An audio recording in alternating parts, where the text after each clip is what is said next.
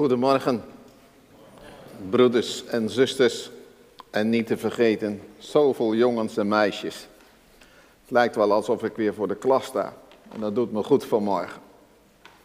Ik heb een heel moeilijk thema genomen voor vanmorgen. Daar of hier. Daar moet je wel een beetje voor gestudeerd hebben om dat te begrijpen. Want jullie zitten daar en ik sta hier. En als jullie naar mij kijken, dan zeg je, ik ben hier en u staat daar. Wat kan de Bijbel ons nou toch met die twee woordjes te zeggen hebben? En daarvoor gaan we met elkaar naar ik hoop een hele bekende geschiedenis lezen. En die vind je in 1 Koningen 17. En daar zingen we, of zingen we, daar lezen we de eerste zes versen van. Ik lees dat uit de NBG-vertaling. Daar staat boven in 1 Koningen 17 Elia aan de beek Kerit, of Krit. Toen zeide de Tisbiet Elia uit Tisbe in Gilead tot Agab, koning Agab, zo waar de Heere, de God van Israël leeft, in wiens dienst ik sta, er zal deze jaren geen dauw of regen zijn, tenzij dan op mijn woord. Daarna kwam het woord des Heeren tot hem, ga van hier, wend u oostwaarts en verberg u bij de beek Kerit, die in de Jordaan uitmondt. Gij kunt uit de beek drinken. En ik heb de raven geboden u, let op nou het woordje, u daar van spijze te voorzien. Daarop ging hij heen en deed naar het woord des Heren. Hij ging verblijf houden bij de beek Kerit, die in de Jordaan uitmondt. De raven brachten hem des morgens brood en vlees, en des avonds brood en vlees. En hij dronk uit de beek. Tot zover. Jongens en meisjes, er was vroeger een lied, en misschien heb je het ooit wel eens gehoord, met deze woorden. Het zal je kind maar wezen. Yeah, yeah, yeah, yeah. Ik heb dat lied ooit eens gezongen in een heel vol voetbalstadion. Naast dat stadion stond een grote tent en daar werd de musical Hair opgevoerd. Door allemaal zangers en zangeressen die een heleboel hair hadden. Ik weet niet wat dat is, maar zij hadden van die hele lange kapsels. En in de pauze van de voetbalwedstrijd, een Europa Cup wedstrijd van Ajax, sorry voor sommigen, toen, eh, toen ging die groep optreden. En ze zongen een liedje met van die hele lange haren, stonden ze met z'n allen in de middenstip. En opeens begon in het stadion iemand te zingen, het zal je kind maar wezen. En binnen de kortst mogelijke keren hebben we dat zo'n kwartier achter elkaar gezongen. En de groep droop af. Maar wij zijn begonnen te lezen in 1 Koningen 17. En vlak voordat dat hoofdstuk begint, wordt er iets verteld over een vader. Die vader die heet Hiel. En als je dat leest, dan denk je bij jezelf, nou, nou, nou, nou, het zal je vader maar wezen, die zo omgaat met het woord van God. Want we lezen namelijk in hoofdstuk 16, het laatste vers, vers 34, in zijn dagen, dat is in de dagen van koning Agab, waarover ik straks nog iets wil zeggen. In zijn dagen herbouwde de Beteliet, kwam dus uit Bethel, Giel, herbouwde Jericho. En nu had God zelf gezegd in de dagen van Jozua, Jericho dat mag nooit en te nimmer meer herbouwd worden. En als er ooit iemand is die dat waagt om dat te doen, om daar weer een muur omheen te zetten, om daar poorten in te hangen, het zal hem ten koste gaan van de oudste en de jongste die in zijn gezin is geboren. En wat lees je nou hier? Papa Bethel, papa Betheliet, Giel, ik doe dat gewoon.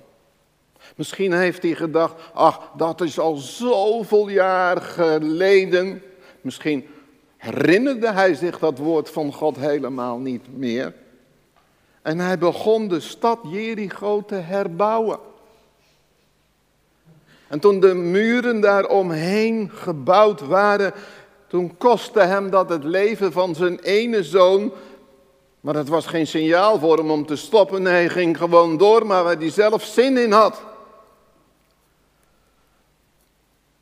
En toen hij de poortdeuren plaatste, stierf ook nog de jongste.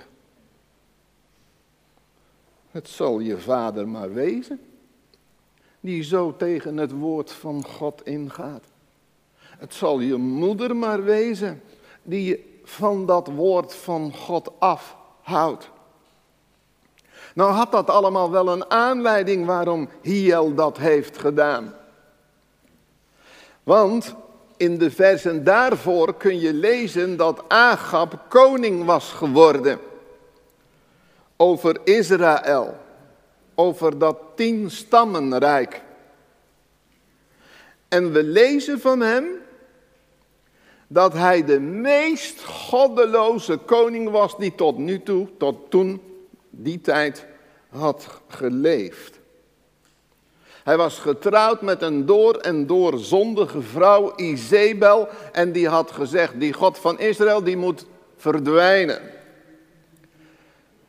Laten we maar een, eh, een aantal afgodsplaatsen, stinkgoden noemt Ezekiel dat, maken voor de god Baal.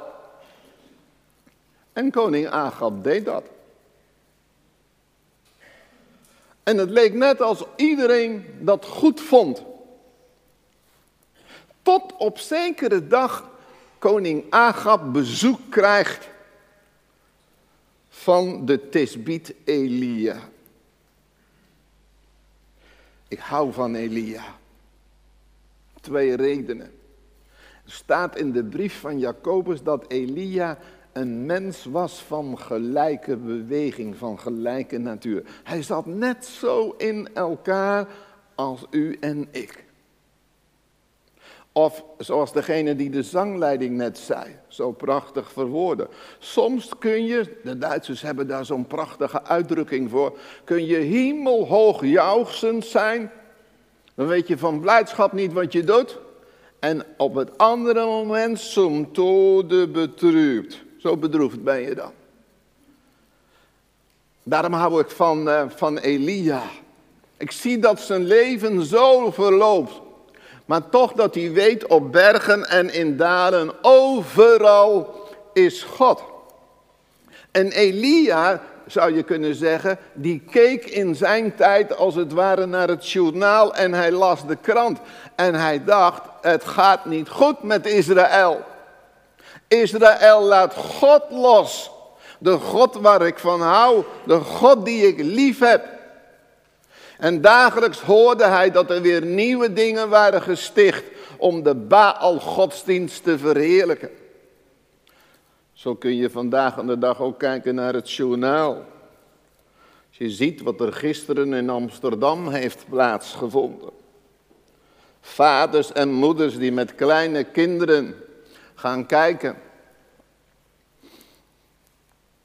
naar mensen die het woord van God hebben losgelaten.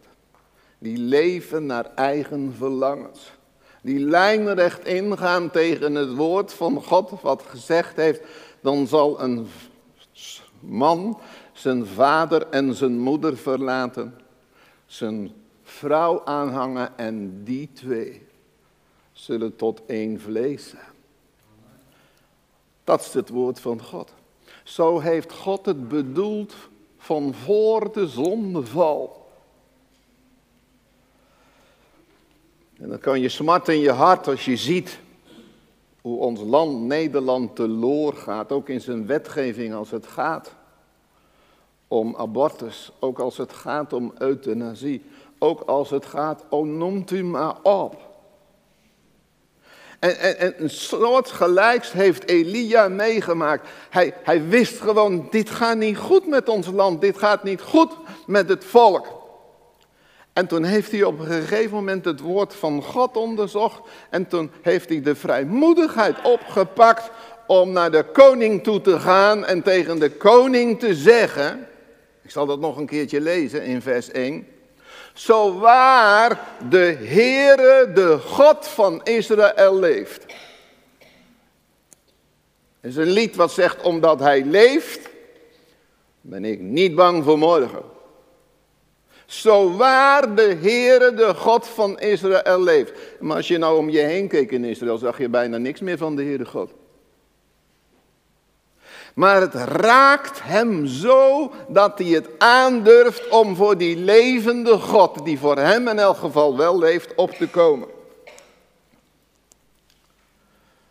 En Elia kende de Bijbel. En hij wist dat God in het Oude Testament had uitgesproken dat als het volk hem de rug toekeerde, dat God dan een periode van drieënhalf jaar droogte geeft. En hij legt dus als het ware voor de koning gewoon in de naam van de God die leeft zijn hand op het woord en hij zegt, koning, en dan moet je even heel goed opletten, dat doen jullie trouwens prima hoor.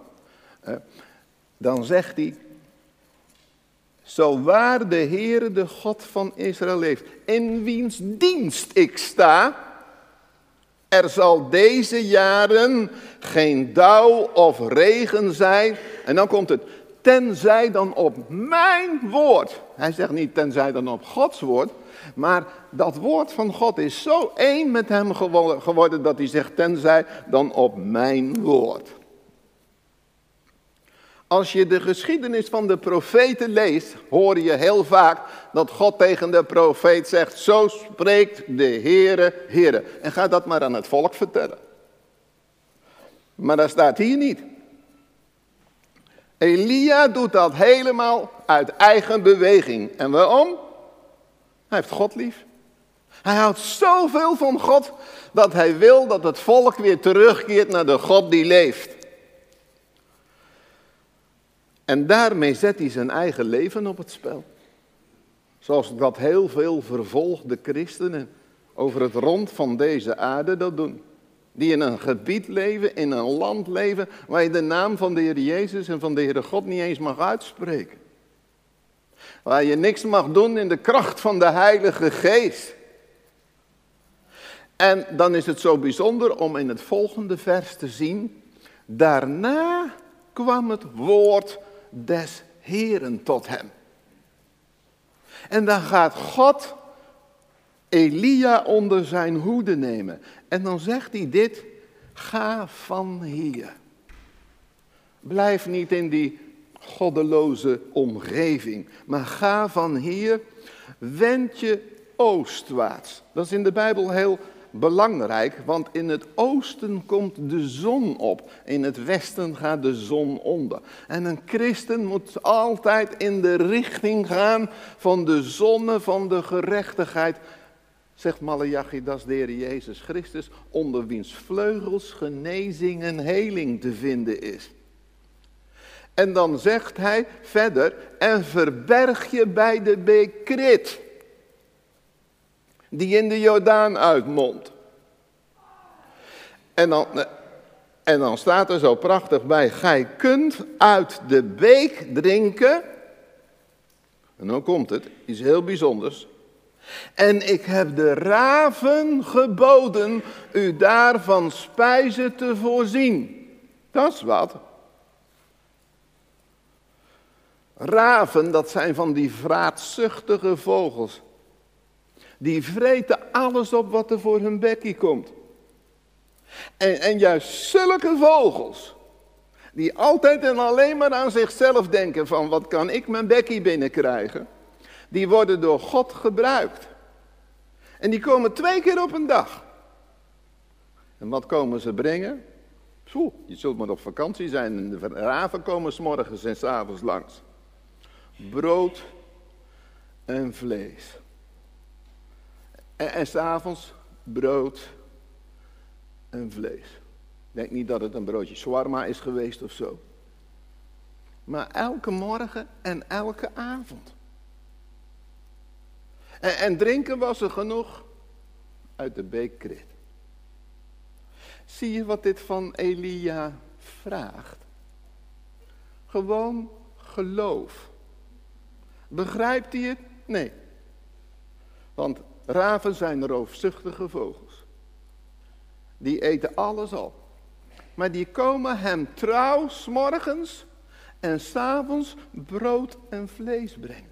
Waarom op die tijdstip? Nou, dat is de tijd waarop s'morgens en s'avonds in de tempel offers gebracht worden tot eer van God. Maar ja, dat was in, in Israël bijna niet meer aan de orde van de dag. En zo houdt God als het ware zijn eigen dienst in leven.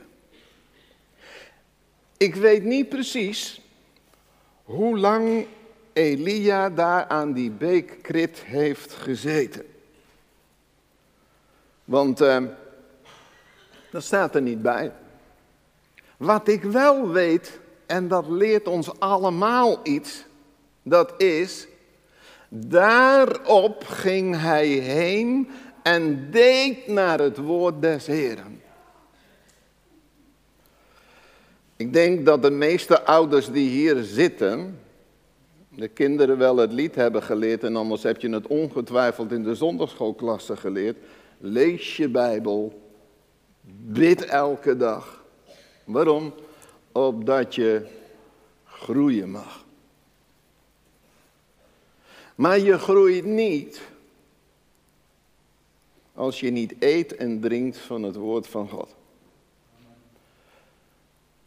Het kan best zijn aan tafel dat je een keertje zegt van ik heb geen trek, geen zin in eten. Dat je een slechte eten bent en dan zegt je moeder of je vader tegen en toch eet je je bordje leeg. Want zonder eten word je krachteloos. Heel veel kinderen van God worden krachteloos omdat ze veel te weinig eten van dat woord van God. En erger nog, omdat ze niet doen wat dat woord van God tegen ze zegt. Er is een profeet die heet Jona en die moet een grote wereldstad gaan redden van de ondergang. Maar wat doet hij? Hij gaat niet naar het oosten, maar hij gaat naar het westen en hij brengt de levens in gevaar van mensen die in de boot zitten. De bemanning, de medereizigers. Alle inhoud die in de boot zit, kiepen ze overboord. En Jona, die gaat precies de andere kant op. Zo kun je met het woord van God omgaan.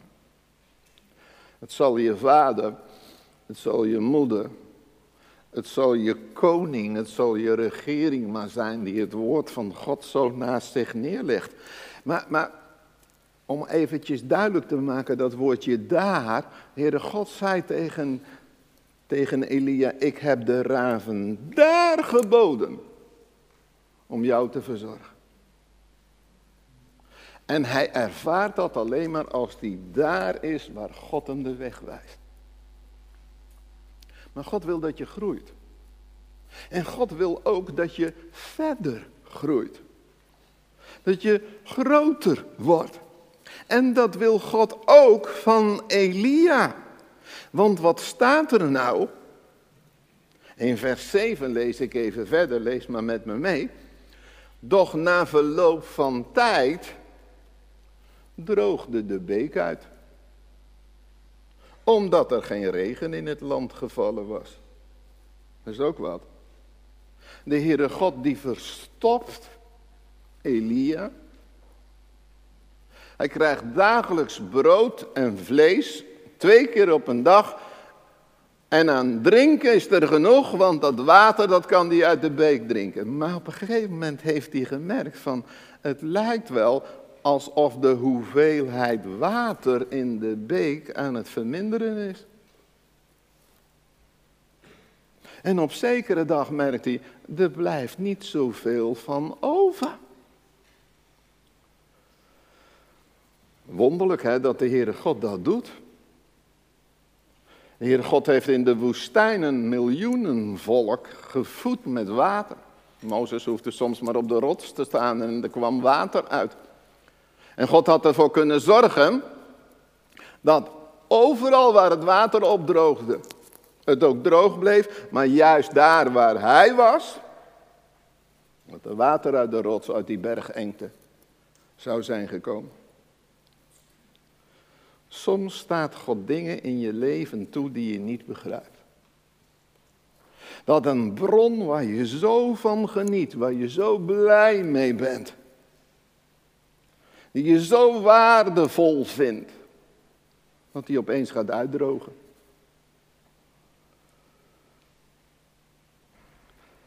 Dat kan zijn dat je zonder werk komt te zitten. Het kan zijn als er spanningen komen in het huwelijk. Dat kan zijn als je te horen krijgt dat je goede gezondheid opeens gaat kwakkelen. God doet iets heel bijzonders met Elia. Want we lezen, toen kwam het woord des Heren tot Elia, maak u gereed. Ga naar Sarfat, dat aan Sidon behoort. En, nou komt het weer, en houd daar verblijf. Dus wat zegt de Heere God tegen hem? Elia, en je koffer maar pakken, want jij moet naar Sarfat. Jij moet naar Sidon. Jij moet naar Sarfat en dat ligt nota bene in het centrum van het gebied waar die gehate Baal-godsdienst vandaan komt. En daar moet jij verblijf gaan houden. Dat is de plek waar ik jou wil hebben voor de komende tijd. En dan staat erbij, zie ik heb daar een weduwe geboden om voor jou te gaan zorgen. Dat past toch helemaal niet? Elia, die in de kracht van zijn leven is waarschijnlijk, kan toch veel beter voor die weduwe gaan zorgen, die ook nog eens een kind blijkt te hebben, blijkt uit het vervolg. Zo hoort het toch. Dat je voor weduwen en wezen zorgt. Want God zegt, ik heb daar een weduwe geboden voor jou te zorgen. En weet je wat dan zo mooi is van Elia? Dan protesteert hij niet, maar dan gaat hij gewoon. En dan komt hij in die nabijheid van de stad Sarfat. Weet je wat Sarfat betekent? Dat betekent smeltoven. Als je iets van goud of zilver hebt, puur goud, puur zilver, dan is dat ontstaan omdat dat zilver, dat goud, is warm gestookt. En alles wat niet echt goud, wat niet echt zilver is, dat is ervan afgehaald. Puur goud, puur zilver. Dat is een prachtig lied uit opwekking, wat zegt, maak mij rein, maak mij puur voor u. Dat is, dat is wat God van ons vraagt. En God durft het, ons, durft het dus aan om jullie en mij, u en mij van tijd tot tijd in een smeltoven, in een vuuroven te brengen, zodat we voor Hem gelouterd worden. En, en dan komt Elia daar bij die weduwe En dan ziet hij dat die weduwe bezig is met wat houtjes te sprokkelen om straks een vuurtje te gaan maken. En dan zegt hij tegen haar, haal mij toch in een kruik een weinig water, opdat ik drinken. Toen zij het ging halen, riep hij haar na en breng mij ook een bete brood. Wij zouden zeggen een stukje brood, een, een bolletje mee. Maar daarop zei zij, zo waar de Heere uw God leeft, ik heb geen broodkoek, maar enkel nog een handje vol meel en een heel klein beetje olie in de kruik. En ik was nou net van plan om daarvan nog een koek te bakken. En die gaan mijn zoon en ik dan opeten en dan gaan we sterven. Is wat. God brengt Elia in een hopeloze situatie, zoals wij soms ook denken. Maar juist om trouw te zijn aan het woord van God, om gehoorzaam te zijn op het woord van God. Om met een kinderlied te zeggen, ik stel mijn vertrouwen op de Heer mijn God, ook al begrijp je er soms helemaal niks van. Maar Heere God, u houdt van mij, ik hou van u. En omdat u leeft, ben ik niet bang voor morgen. En deze vrouw doet wat Elia vraagt. En wat blijkt dan? Zolang hij daar is, raakt de meel niet op en raakt de olie niet op. Vlees, brood, olie. Prachtige beelden van de Heer Jezus Christus. Heb je gezien wat het de moeite loont om daar te zijn? Waar God je de weg heeft gewezen. Na drieënhalf jaar zegt de Heer God tegen Elia, ga het volk maar eens bij elkaar roepen op de berg Karmel. En daar vinden dan die offers plaats voor de Baal-godsdienst. En die lopen de hele dag te gillen en te brullen. Of die God van hen vuur wil geven, dat gebeurt niet. En dan bidt Elia, dan komt er vuur van de hemel. Uh, en dan mag hij gaan bidden en dan komt er regen. En dan worden die Baalpriesters die worden gedood. En het volk roept, de Heer is God. Of dat nou echt bekering is geweest, dat laten we maar even in het midden. Dan zou je dus denken, hè, Elia, als je met de Heere God zulke geweldige dingen meemaakt, dat hij laat zien dat raven je kunnen voeden. Dat een arme weduwe die praktisch niks meer heeft, je dagenlang kan voeden van dat kleine beetje meel en dat kleine beetje olie. Ah, dan, dan, dan, ben je toch nooit meer bang.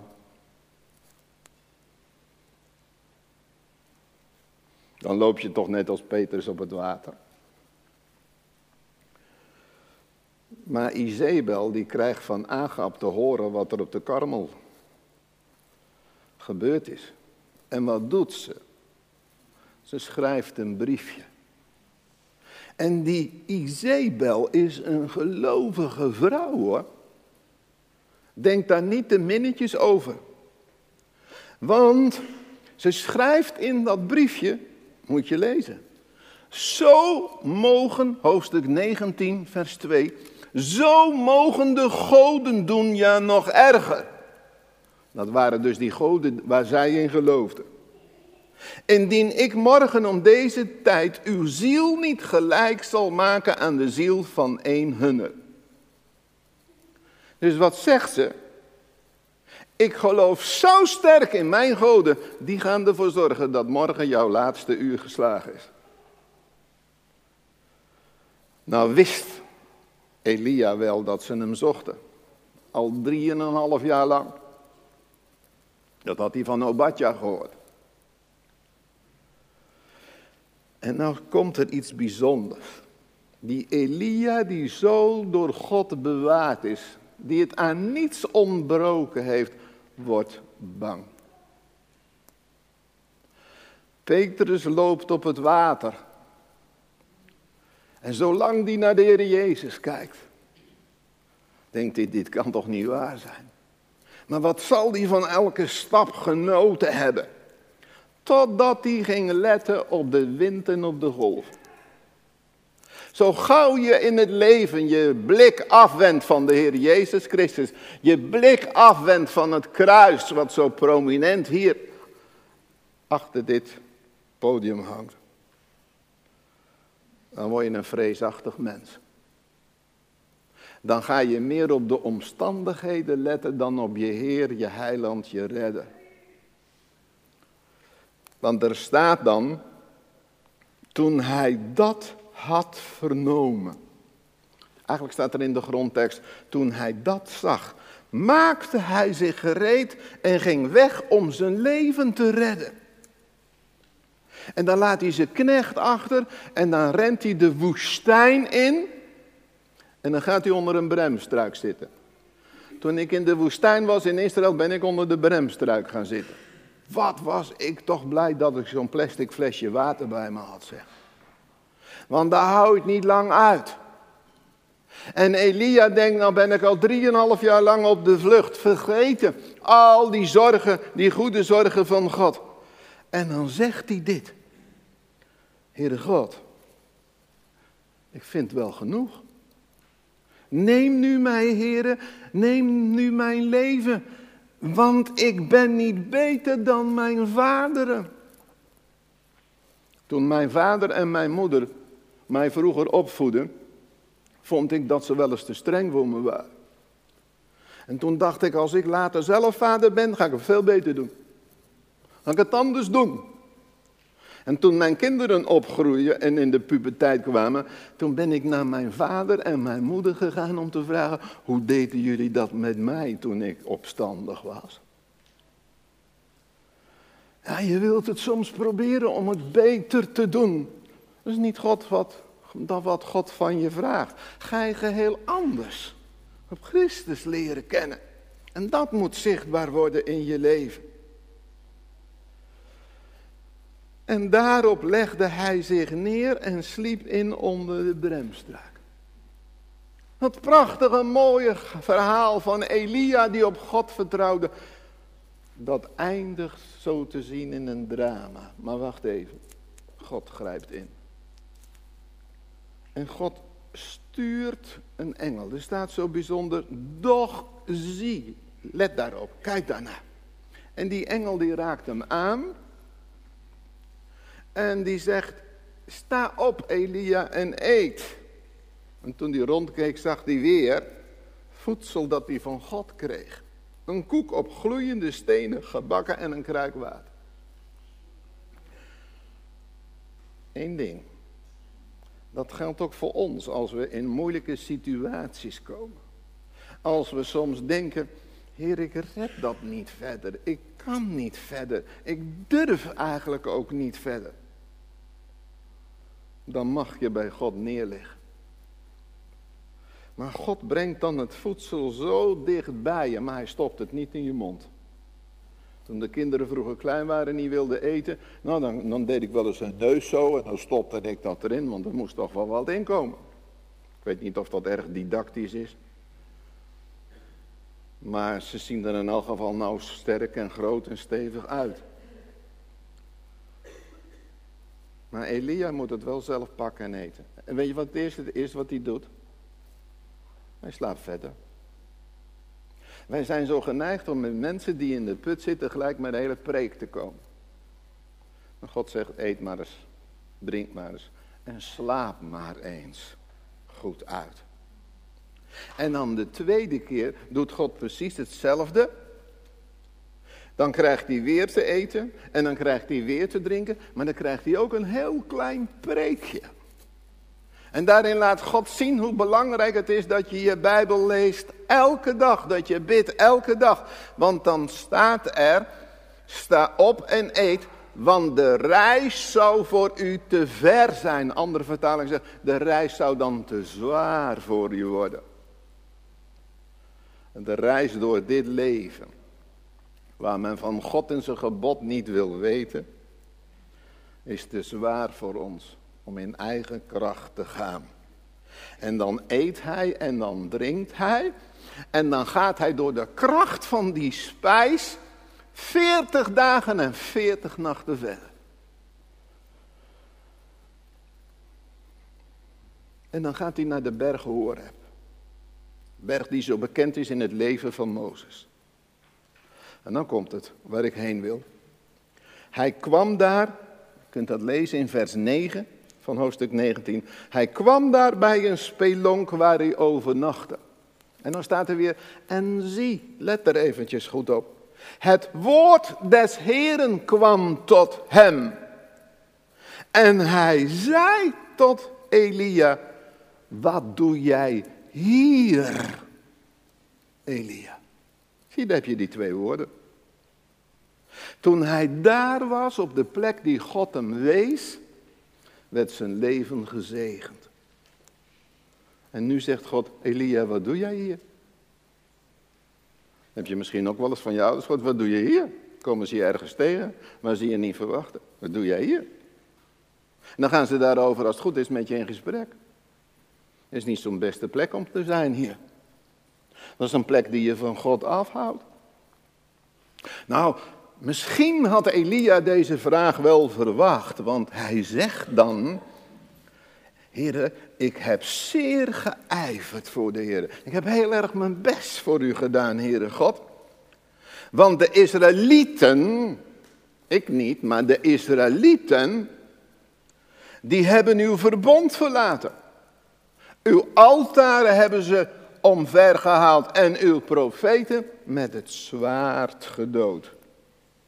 En zij trachten mij het leven te benemen. Het is een beetje zielig wat hij hier zegt. Maar je wordt ook zielig als je je leven in eigen hand neemt. Als je in eigen kracht gaat leven. Hij zegt er ook nog bij, en ik ben helemaal moederziel alleen overgebleven. Soms woon je als gelovige, als enige in een straat met tal van huizen. Ben jij de enige die er vanmorgen al vroeg op uitgegaan is om naar het woord van God te luisteren? En dan zegt de Heere God, kom eerst maar eens uit de spilonk. Toen Abraham in de tent zat en denkt van nou dat gaat nooit goed komen. Ik zal maar zelf met mijn vrouw op een manier gaan zorgen dat we toch een nageslag krijgen. Toen zei de Heere God, kom eens uit je tent Abraham. Wat moest hij toen doen? Omhoog kijken. Kijk eens naar de sterren. Zo groot wordt jouw nageslag. Er is een lied wat zegt, God is Heer. Hij wil ons zegenen met des heiligen geestes kracht. En wat ik vanmorgen wil vragen aan jou. Als jong kind, maar ook als ouder. Misschien als opa en oma. Bent u daar waar God u wil hebben?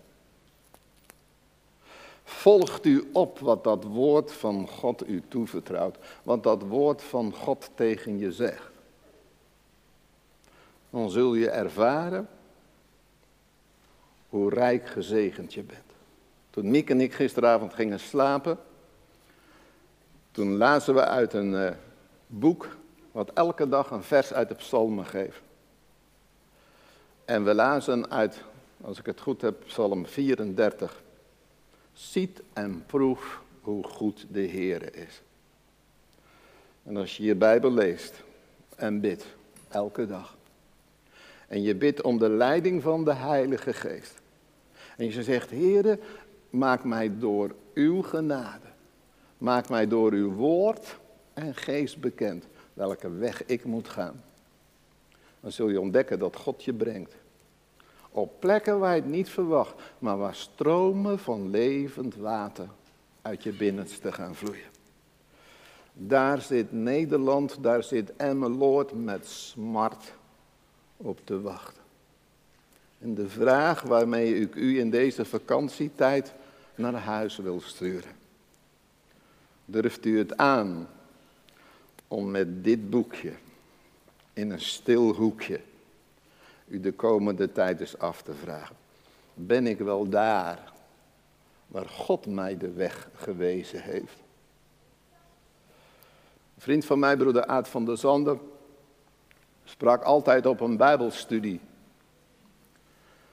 En in die bijbelstudiegroep zat een man.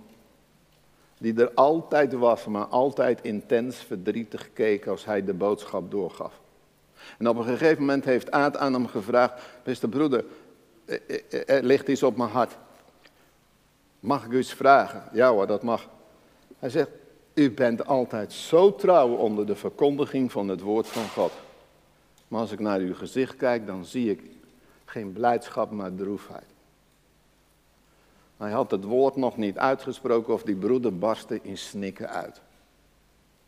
En hij zei, toen ik jong was, heeft God me geroepen om in zijn dienst te gaan staan. En ik heb dat naast me neergelegd. En vanaf dat moment, zei deze broeder, mis ik elke blijdschap, vrede en vreugde in het geloof. Mag ik het u heel persoonlijk vragen? En kijk dan niet naar uw man, uw vrouw of uw kinderen of omgekeerd. Maar bent u daar waar God u wil hebben? Omdat hij de raven, de weduwe, andere geboden heeft. Om geestelijk zorg voor u te dragen.